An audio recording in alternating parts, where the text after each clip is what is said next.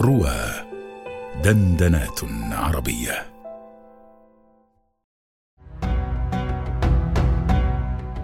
آيات وأبيات مع الأستاذ أبي قيس محمد رشيد على رواه. الحلقة الأولى. إطلاق الخيال. فاجأنا شاعرنا العربي الأول امرؤ القيس بقوله في قصيدته العريقة النبيلة التي أولها ألا عم صباحا أيها الطلل البالي. فاجأنا بقوله لغريمه أيقتلني والمشرفي مضاجعي ومسنونة زرق كأنياب أغوالي. يقول في هذا البيت كيف يقتلني والسيف لا ينام إلا معي. ومسنونة زرق معي هذه النصال التي هي كأنياب أغوالي. والغول كائن أسطوري لا يعرفه العرب ولكنه يحضر في أذهانهم ويوردونه في أذهانهم حضورا أسطوريا ويتخيلونه في أبشع الصور.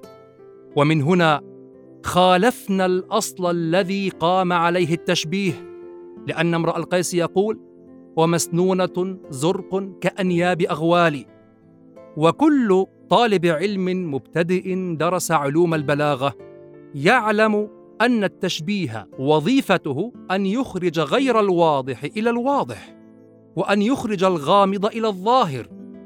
فالقاعدة في التشبيه أن تشبه والأصل في التشبيه أن تشبه الشيء غير الواضح بالشيء المشاهد الموجود الذي يسهل تخيله. ولكن في بعض الأحيان تكون الأمور الخيالية أبلغ في تحقيق الصورة لما فيها من المعاني ولما فيها من قوة الحضور في الأذهان. وهذا من لسان العرب المبين الذي أنزل الله تعالى عليه كتابه. فقال في سورة الدخان وهو يتحدث عن شجرة الزقوم إن شجرة الزقوم طعام الأثيم كالمهل يغلي في البطون كغلي الحميم. وفي سورة الصفات يقول الله تعالى أذلك خير نزلا أم شجرة الزقوم؟ إنها شجرة تخرج في أصل الجحيم. طلعها كأنه رؤوس الشياطين. رؤوس الشياطين في الآية الكريمة لا تعرف بالمشاهدة.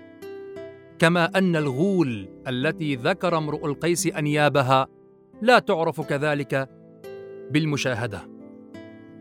وهذا يدلك على اتساع مسالك البيان العربي. وأن المسالك البلاغية إنما تتجاوز الواقع والمشاهدة.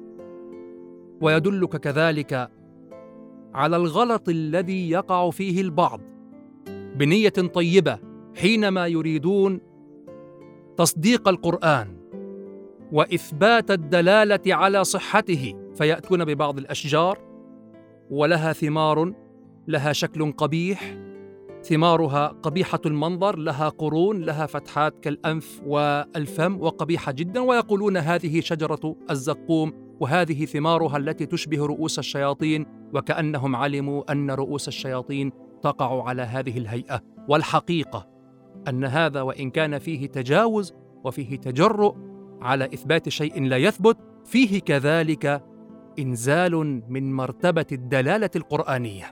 لماذا؟ لأن الله تعالى أراد أن يطلق العقل والخيال ليذهب كل مذهب.